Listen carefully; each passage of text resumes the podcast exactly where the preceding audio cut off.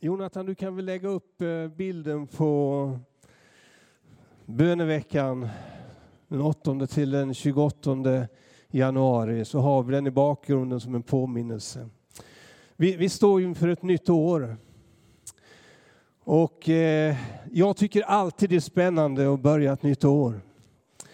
För det, man går in i någonting nytt. Och jag, jag, vill inte ha tillbaka det andra året. Jag vill, inte att, jag vill inte att det racet som vi körde, eller som jag körde, vår församling körde, jag vill inte att vi ska köra samma race en gång till. För, för vi, jag vet och vi vet alla så här att om vi kör samma sak en gång till, om vi gör likadant en gång till, så blir resultatet detsamma, eller hur? Och vi står inför ett nytt år och jag längtar efter ett nytt resultat, ett annat resultat än det som vi fick uppleva det här året. Och vi ska börja det här året med bön och fasta. Och det är en utmaning för oss allihopa. Bön och fasta. Du vet att, att det som Gud, Gud har större tankar för det här året än du och jag har. Det är faktiskt så. Så det innebär att det jag liksom fantiserar och drömmer och tänker om så, så tänker Gud mycket, mycket mäktigare saker än jag gör. Och det är ju väldigt spännande att liksom få, det, få det klart för sig att det är faktiskt på det sättet. Så att det är en sån, man har en sån oerhörd förväntan. Gud, vad vill du ska ske? Vad vill du vi ska göra? Vad vill, hur vill du jag ska agera det här året? Tack så du ha. Eh, och det, det är faktiskt så här att Gud har en plan, han har en vilja med det här året. Han, han, har, tänkt, han har tänkt någonting för det här året, men det är faktiskt så att jag kan liksom inte bara sätta mig till ro och tänka så här, Gud, nu gör du det du, du vill i mitt liv och så, och så blir det som det blir. Utan det är faktiskt så att jag har en, en, en väldigt aktiv del i att Gud liksom kan göra det han vill genom mitt liv som han har tänkt. För att det handlar om min respons till Gud. Jag har min del, utifrån den responsen jag ger till Gud, utifrån det kan han agera också genom mitt liv och att jag kan få vara använd av honom det här året. Halleluja. Så jag ska, jag ska försöka på något sätt, jag ska inte, jag ska inte jag tror inte jag ska vara så mycket bibellärare idag, eller så här, utan jag tror faktiskt jag bara ska försöka inspirera eh, att, att, att utmana dig och inspirera dig att, gå, att vara med, att ge ditt liv i den här bön och fastan som vi, som vi ska ha nu i tre veckor framöver. Att du ska se att det här är en fantastisk möjlighet för dig och mig att få vara med, att, att eh, få vara en del i det som Gud vill göra, få vara med och förvandla vår situation, förvandla församlingens situation till någonting ännu mäktigare och få vara med och förvandla också situationen i Göteborg. Amen. Så vi, vi, ska tala om bön och fasta lite grann. Jag ska bara försöka uppmuntra dig på, på det enklaste sätt jag kan. Och jag, jag vill börja berätta att min första erfarenhet av att gå in i bön och fasta, det var så här att vi var ett gäng ungdomar i församlingen hemma. Jag, vi var mellan 15 och 20 år ungefär. Vi hade ingen, det fanns en pastor men vi hade ingen som direkt ledde oss unga att liksom förklara för oss hur vi skulle göra. Men det var så att det var en gammal profet som hette Georg Gustafsson som kom till vår församling och, och han hade ett fantastiska möten under en hel pingsthelg. Och, och de flesta bland ungdomarna blev döpta den heliga ande den helgen. Det, det, var rena kalabaliken alltså. De, de talade tungor. Vi låg som en jättestor hög i kyrkan och bara prisade Gud. Det var helt, det var helt liksom kaotiskt. Och det var underbart. Och det ledde till att, att vi var ett gäng som sa att nu måste vi bara söka Herren ännu mer. Så vi sa att vi träffas på måndag. Och det gjorde vi. När vi på måndag träffades i kyrkan och vi fick, vi fick låna nycklar och så gick vi dit. Vi var ett gäng, ibland var vi fem, ibland var vi femton. och så började vi be tillsammans och vi bad och vi läste Bibeln för varandra. Och sen, det, var, det var på den tiden som, som eh, en man som heter David Jong Cho, han, var med, han, är den, en, han, är den som varit med och byggt upp världens största församling i, i Sydkorea, i Seoul. Och han hade skrivit en bok som heter Levande tro och sen kom han med en annan bok som heter Den fjärde dimensionen. Och det var fantastiskt. Vi tyckte det. Så vi hade Bibeln och så hade vi Jogge som vi kallar honom. Då. Så hade vi Jogges böcker och så bad vi och så ropade vi till Gud. Vi sjöng i anden och så höll vi på till 10-11 varje kväll och bad till Gud. Och det är klart att det påverkade ju hela situationen. Och så kom vi på det att vi läste att, vi skulle, att Jogge han fastar ju. Det var ju så de bröt igenom. I församlingen, det var så människor började bli helade. De bad och fastade. Så tänkte vi ska också be och fasta. Så vi frågar pastorn, får vi vara på lördag? Får vi vara här och fasta och be på lördag? Eh, vi ungdomar, det är klart ni får, sa han. Och vi åkte dit. Och vi visste ju då att det var väldigt viktigt att man gjorde rätt när man fastnade. Vi skulle dricka väldigt mycket, det hade vi fattat. Och så här. så vi, vi hade, vi, var och en av oss, vi var väl 17-18 stycken, så här, var och en av oss hade med oss en stor bäg eller kasse med dricka med oss. Så, här, så, vi, skulle inte, så liksom vi skulle klara det här. Det var ingen som hade undervisat oss. Och vi, och vi började där. Vi, ställ, vi satte ett stort köksbord mitten på rummet där vi, där vi skulle be fast. Och så satte vi upp all vår dricka och så fyllde hela det stora bordet fullt. Det var, det var vatten, det var juice, det var morotsjuice, det var apelsinjuice, det var druvjuice och, och sådana här saker. Men vi visste ju inte det. Liksom, det var ingen som hade talat om för oss liksom, och, liksom, vad vi skulle tänka på. Men vi bad och vi fastade. Och när vi bett en timme så sa vi ja, nu måste vi ha dricka paus, det är viktigt att dricka. Så gick vi och drack. Och så här. så att det, det liksom var nästan lika mycket i centrum det som bön och fastan. Men vi bad hela dagen och vi fastade. Ända till kvällen och vi, vi ropade till Gud. Och vi bad för mötet som skulle komma dagen efter och vi bad för massa saker, att människor skulle bli frälsta och människor skulle bli helade. Och så kommer mötet, så kommer mötet som vi hade bett och fastat för. Och när människor går in i kyrkan då, då, då, då var det som att de gick in i en vägg av härlighet. Och det fattade inte vi, att, att det var på det sättet. Men folk som kom och som inte hade varit med, de upplevde och det blev ett sånt fantastiskt genombrott i det mötet. Halleluja! Och det var min första erfarenhet av hur det var liksom att gå in i mer bön och fasta. Och det var så fantastiskt. Peter Arkell, han blev frälst. Han sjöng jättebra, den här Peter Arkell. Och när, när, han kom, liksom, när jag samlades för, vi samlades för kyrkan, så hörde man Peter komma borta i stan. Liksom. Och så var det någon som sjöng om Jesus.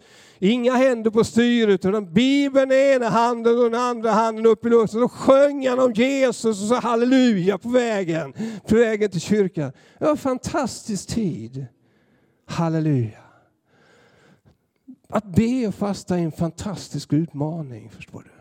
Jag vill att vi ska läsa från Jakobs brev 5 och 16. Jag hoppas att jag ska bara kunna inspirera dig liksom, och vara med och se att det här, det här är en fantastisk väg att gå. Det står det så här, mycket mäktig och verksam är en rättfärdig mans bön, står det. Och det är fantastiskt. Och jag hoppas att den här bibelversen ska uppmuntra dig att se att, att bönen i ditt liv den är, den är oerhört betydelsefull. Du vet att när du ber till Jesus, när du ber till Gud, så sker det någonting. Ibland när man ber så kan man känna, händer det någonting verkligen? Eller, eller hur är det? Men jag vill bara att du ska få tro för att när du ber till Gud så är det någonting mäktigt som sker när du ber. Någonting som påverkar situationen, någonting som hjälper till att förändra situationen, någonting som gör någonting i, i ditt liv. Det sker någonting mäktigt när du ber.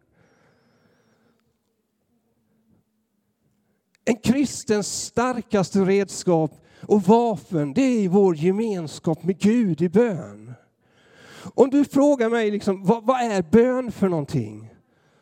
Så den, liksom den enklaste förklaringen på vad bön är, det, det är liksom att det är din och min gemenskap med Gud. Det är din och min kommunikation med Gud där du talar till honom och han talar till dig. Och det är, liksom, det är den mäktigaste gåva som du och jag har fått. Att kunna be till Gud, att kunna be till honom som har skapat himmel och jord, som har skapat dig och mig. Men ändå så har han gett oss en möjlighet att kunna kommunicera med honom som är över allt annat. Det är det bönen handlar om, att när du ber så är det inte så att du talar med någon tomte på andra sidan. Du ber till den levande guden som kan förändra och förvandla ditt liv och situationer och människors liv. Halleluja. Så att när vi talar om bönen idag så, så är det liksom inte ett, bara ett ämne i Bibeln som du och jag ska studera och lära oss någonting. Utan att be, det lär man sig genom att börja be. Det är precis som att om man ska lära sig simma i vatten. Hur lär man sig att simma? Jag började med att lära mig eh, fottagen och armtagen uppe på stranden för att sen gå ner i vattnet. Men så länge jag satt på stranden och liksom gjorde så här så kunde jag inte simma.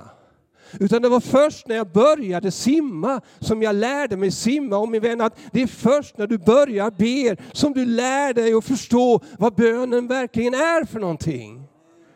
Och nu är det så, så här att, att ju mer du ber, ju mer mäktigt och underbart och starkare blir det. Ju mindre du ber, ju tråkigare blir det. Det finns, man har böneliv på så olika nivåer.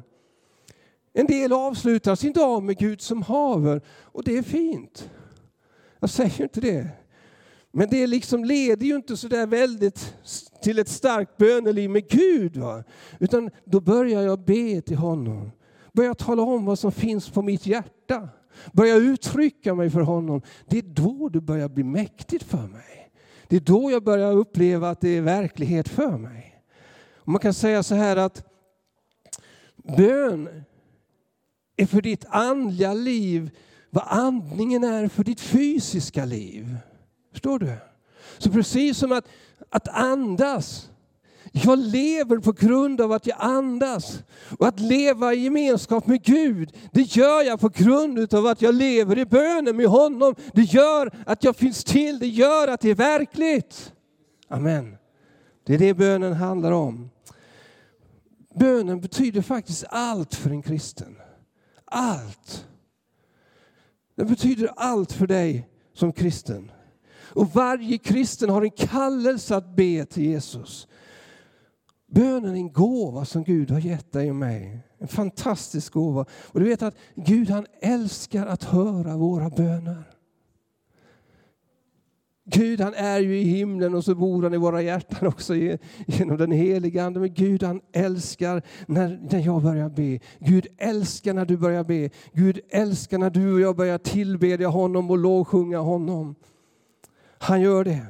Och vi läser i Uppenbarelseboken om de heligas böner. Det är liksom inte vilkas böner som helst, utan de heligas böner, det är som en välluktande rökelse inför tron som brinner inför Guds tron till Guds välbehag. Och när Gud sitter där på sin tron och bara känner väldoften ifrån dina och mina böner, så reagerar han med välbehag. Amen. Så vill Gud älska när du börjar be till honom. Han längtar efter att du ska börja be till honom. Han bara längtar och längtar efter det. Och Gud längtar att du och jag ska liksom bryta oss igenom köttet, alltså mitt eget jag och mina egna begär och drifter och drömmar. Mina egna, alltså Gud längtar att köttet ska brytas igenom så att, du, min, ah, min, så att jag kan börja be. Du förstår att, ah, att be, det, det, det är en andlig handling. Och Bibeln talar om att, att anden är villig men köttet är svagt. Det står, läser om det i Matteus 26 och 41. Att min ande är villig men mitt kött är svagt. Och Gud längtar att du och jag ska bryta igenom köttet liksom i våra liv för att den andliga handlingen ska börja leva och fungera. Bönen med honom. Amen. Du vet att din ande den hungrar efter Gud. Din ande längtar efter Guds närvaron. Din ande längtar efter att få lära känna Gud, vem han verkligen är. Efter gemenskapen med honom. Och Gud han vill att du ska söka hans ansikte. Och det är det den första veckan kommer att handla om i, i, i vår bön och faste, våra bön och faste veckor här. Det är det den kommer att handla om, att, söka Guds ansikte, att söka hans närvaro. Du läser i psalm 27 och vers 7 att Hör Herre, jag höjer min röst och ropar, var mig nådig och svara mig. Mitt hjärta tänker på ditt ord, sök mitt ansikte. Jag, sök, ja, ditt ansikte Herre söker jag. Han längtar efter att du ska bara söka efter hans ansikte. Komma in i hans närvaro. Gud han bara vill att du ska liksom på ett frimodigt sätt bara söka honom och, och bara bedja frimodigt. Du vet att frimodigheten den, den har stor lön med sig. Att kunna be frimodigt inför Gud, det, det, är enormt viktigt. Vad är det som tar bort frimodighet från, från Gud? Jo, det är om det är någonting som inte är som det ska i mitt liv. Då, då, då liksom förlorar jag lite frimodigheten inför Gud. Men om jag, om jag har varit inför Gud och jag bett Jesus förlåt mig min synd, rena mig, så blir jag frimodig på nytt att kunna träda in i Guds närvaro. Det finns liksom ingenting i vägen. Och Gud vill att du frimodigt ska träda in för honom varje dag. Och be till honom, ropa till honom. Tacka honom och prisa hans namn. Varje dag så vill han att du frimodigt ska komma till honom. Han vill ha en öppen dörr för dig och säga kom. Amen.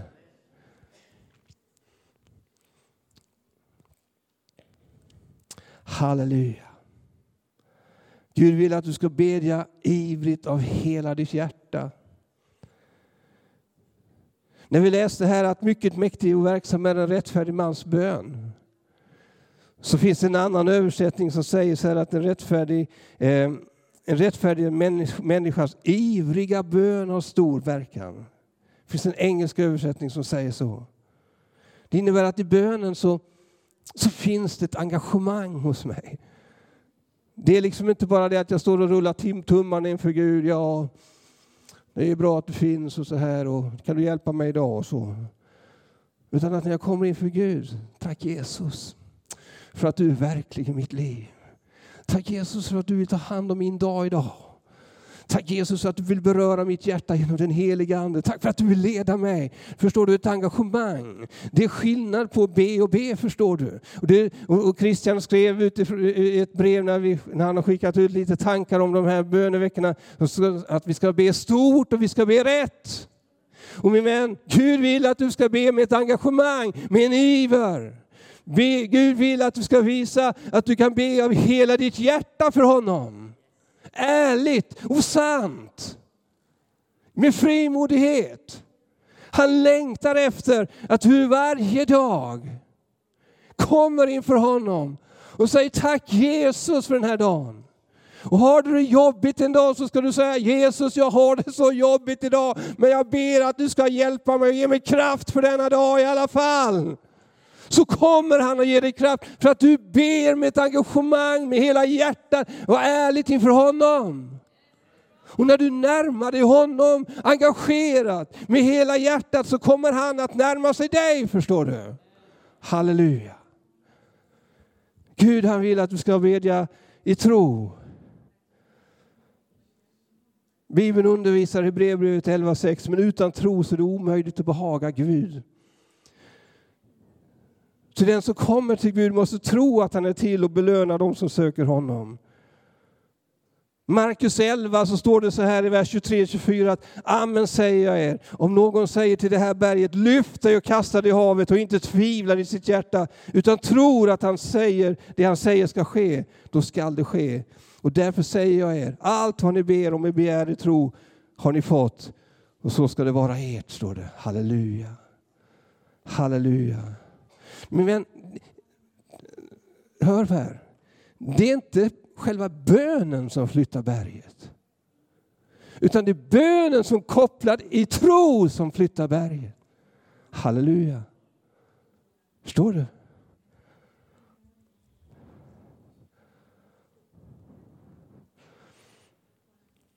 Våra böner är starka och mäktiga.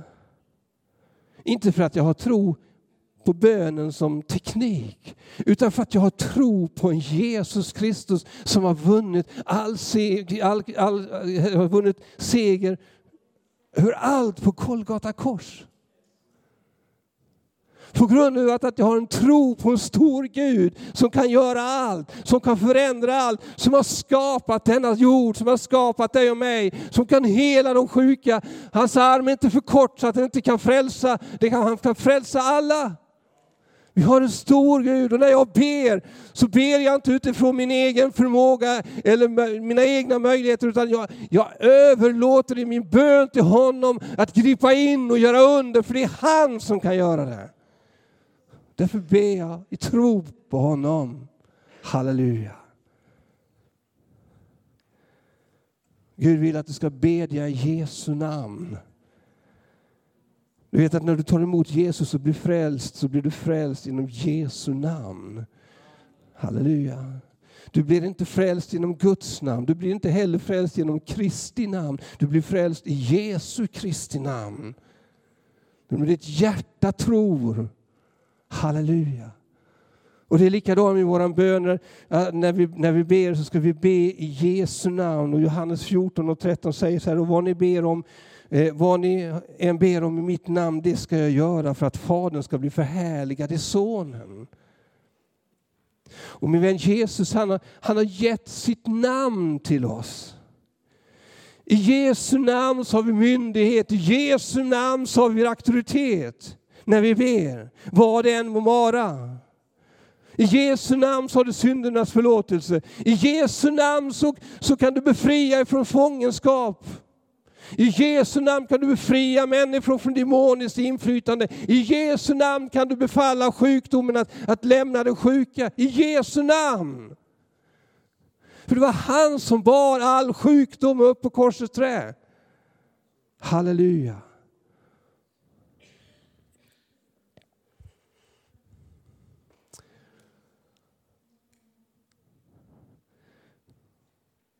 Auktoriteten i Jesu namn är kopplad till din relation med Jesus. Ju djupare du kommer in i en relation, ju närmare du lever med honom, ju liksom mer intimare din relation är med Gud, ju mer av auktoritet i din bön, min vän. Så det är ingen teknik, det är en relation med Gud som avgör styrkan i din auktoritet i dina böner. Det handlar inte om att komma sesam öppna dig. Utan det handlar utifrån en djup relation med Jesus Kristus och upp att jag får vara uppfylld av den heliga Ande, leds av den heliga Ande in i situationer där jag får vara med och bryta i Jesu namn, där jag får med och befria i hans namn. Halleluja. Och Gud vill också att du ska be i överlåtelse till honom. Jesus han bad, men inte som jag vill, utan som du vill. Att vara helt överlåten till Gud. Överlåten till hans vilja. Halleluja. Min vän, det här är vad en rättfärdig mans och kvinnas bön åstadkommer.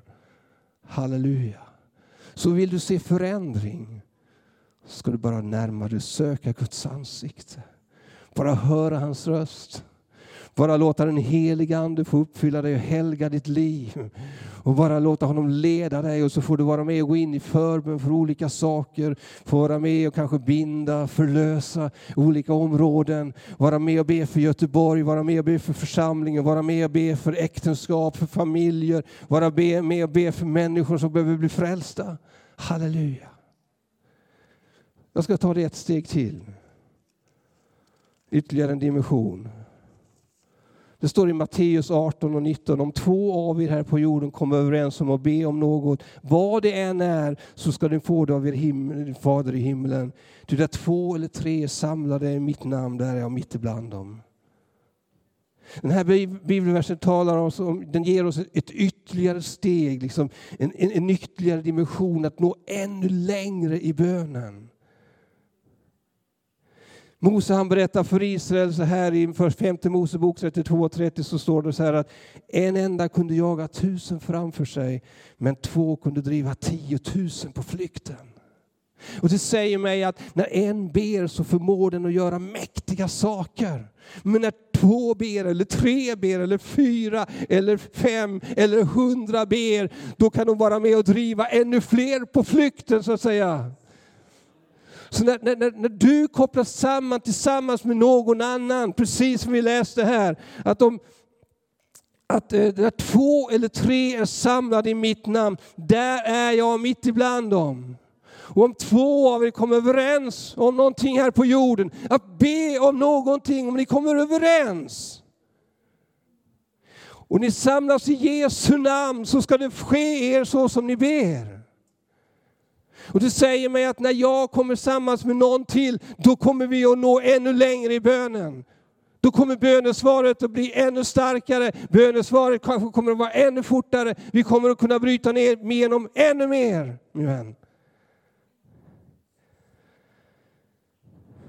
Istället för en liten vattenfåra så kopplas det flera vattenfåror till och till sist så väller det fram en flod min vän.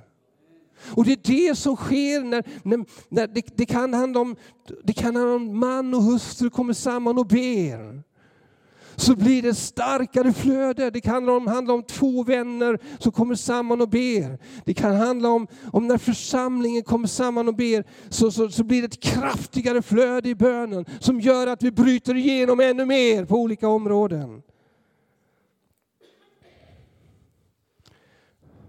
Lägg märke till att det är tre saker som behövs för att Guds kraft ska förlösas och åstadkomma resultatet och förändringen och undret och förvandlingen.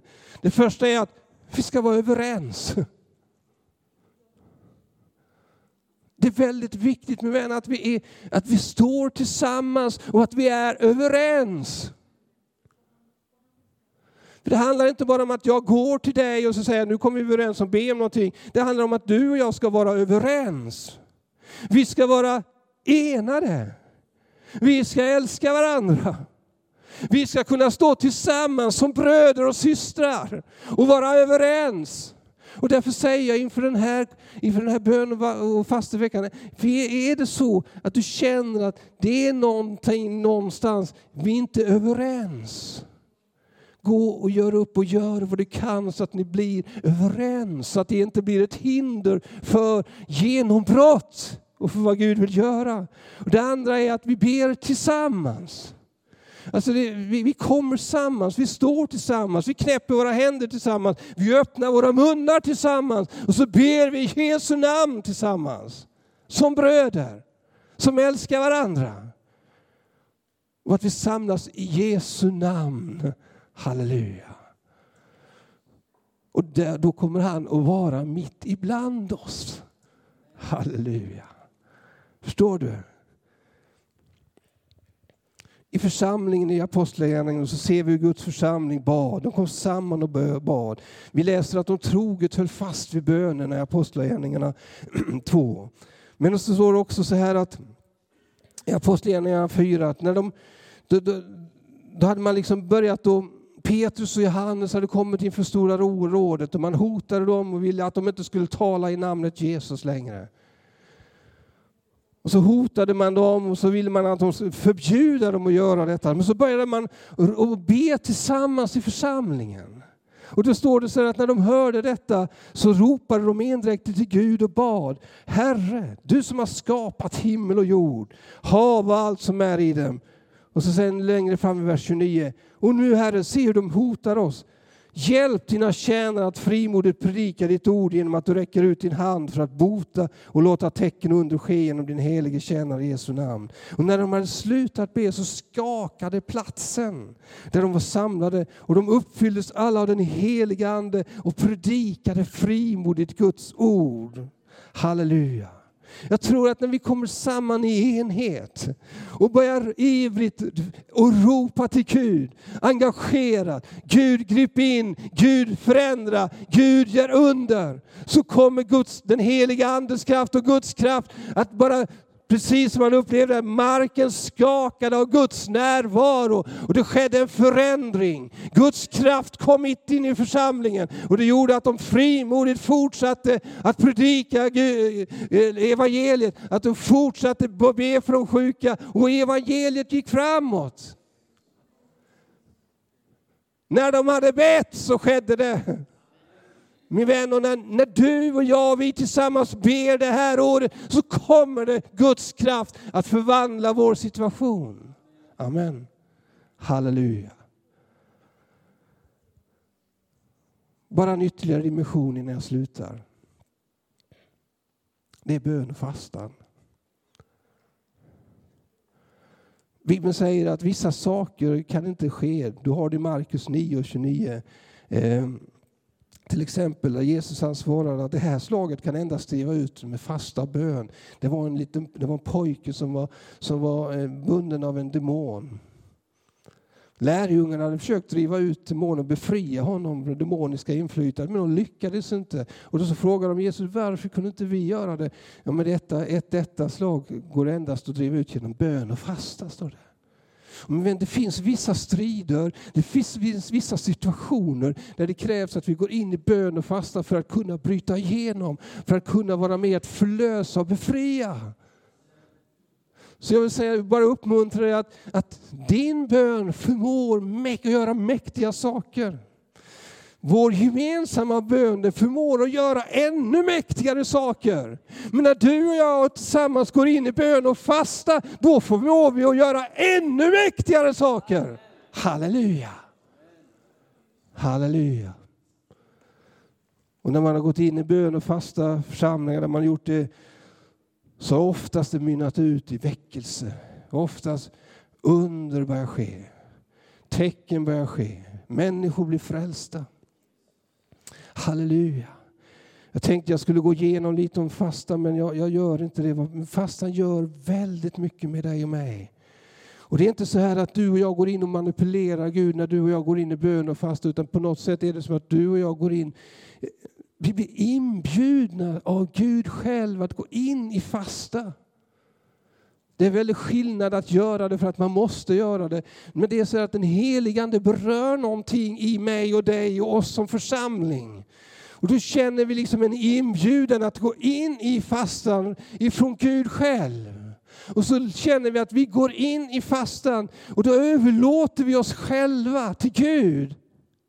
Och det är inte så då att jag manipulerar Gud och säger att nu fastar jag därför ska detta ske. Men det är inte bara jag som har fastat för cancersjuka som inte har blivit friska. Har ni också gjort det? Jag har två bekanta som vi bad och fastade, vi bad och fastade, men de dog. Och vi fick säga, ske så. Du vet att bönen och fastan det manipulerar inte Gud, utan när jag går in i bön och fasta och du gör det, så då, då, det sker alltid någonting mäktigt när vi går in i bön och fasta. Men oftast är det så att Gud gör någonting i, i mig, i oss, i vår situation som gör att vi blir mer tillgängliga för Gud. Halleluja. Så att fasta det är att ödmjuka sig inför Gud och säga Gud, jag behöver dig. Att fasta det är en fantastisk väg till att förnya sitt andliga liv så att det blir mer levande, mer fräscht, mer flödande. Att fasta det är en fantastisk sak när man kämpar med kötsliga saker och begär drifter som man tycker binder en. Bön och fasta är en fantastisk väg att uppleva frihet ifrån sånt som köttet vill binda mig. Att fasta det ökar min känslighet för den heliga Ande och höra hans röst. Som gör att jag blir mer tillgänglig för vad han vill göra genom mig. Att fasta det ökar smörjelsen i mitt liv. Att fasta det följer mer hälsa och läkedom när vi gör det. Och när den heliga Ande leder mig in i fasta så det är oftast, ofta så att han förbereder mig för någonting som man kommer att göra i mitt liv längre fram. Som jag ska gå in i. Halleluja. Så fastan förlöser Guds kraft, min vän. Halleluja.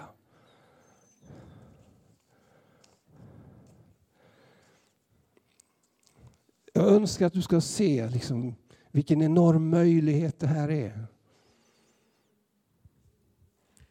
Jag ska bara avsluta med att berätta. Sen ska vi gå in i en förbön för varandra och en överlåtelsestund. Jag jobbade som ungdomspastor i Alingsås. Det var sista delen av 80-talet. Det var ganska tröttsamt. Jag hade, vi var väl 25-30 ungdomar ungefär. Jag, jag, jag kände att jag kom ingenstans. Man kom in, man satt med jackorna på, mössorna på. Och på den tiden var det lite modernt och man skulle ha de här råttorna då. Så tjejerna de kom med stora råttor på axeln och gjorde att eh, folk skrek när de kom in i samlingen. Jag visste inte vad jag skulle göra.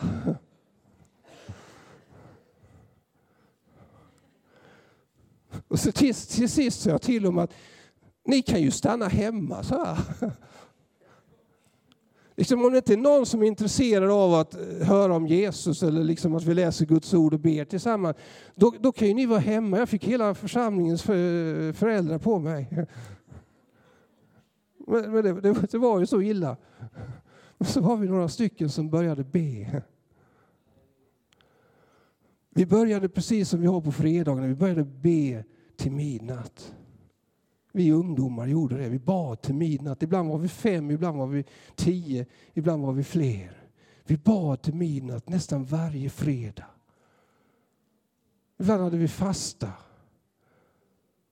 Sakta började det förändras. Halleluja.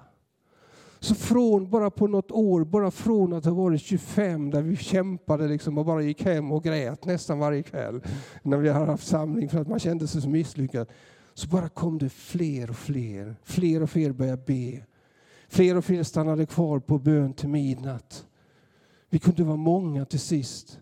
Bara efter ett år så, så, så, så varje fredag, vi var 120-130 stycken ungdomar varje fredag. Och det enda vi gjorde det var att vi bad, vi sjöng lovsånger, sjöng i anden, vi undervisade Guds ord, vi profeterade och vi hade förbön. Och vi höll på ända in till ett, halv två på nätterna. Och hur tänker du, hur gick det med de ofrälsta då? Ja, det märkliga var att när vi gjorde detta, då stod de och tittade på oss vid dörren och undrade vad vi höll på med.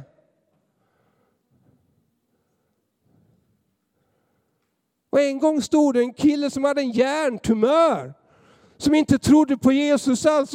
Och en av ungdomarna gick fram till honom och bad för honom och han blev helad.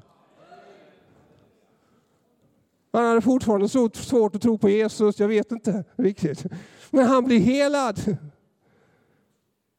Så min vän, det fungerar. Halleluja. Lovsångsteamet ska ni komma fram. Vi ska gå in i en stund av överlåtelse här nu. Jag tror att Gud har lagt bönen på många av era hjärtan.